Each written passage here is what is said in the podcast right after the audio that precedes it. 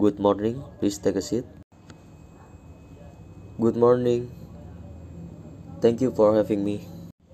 So, first, can you speak English? Yes, I can.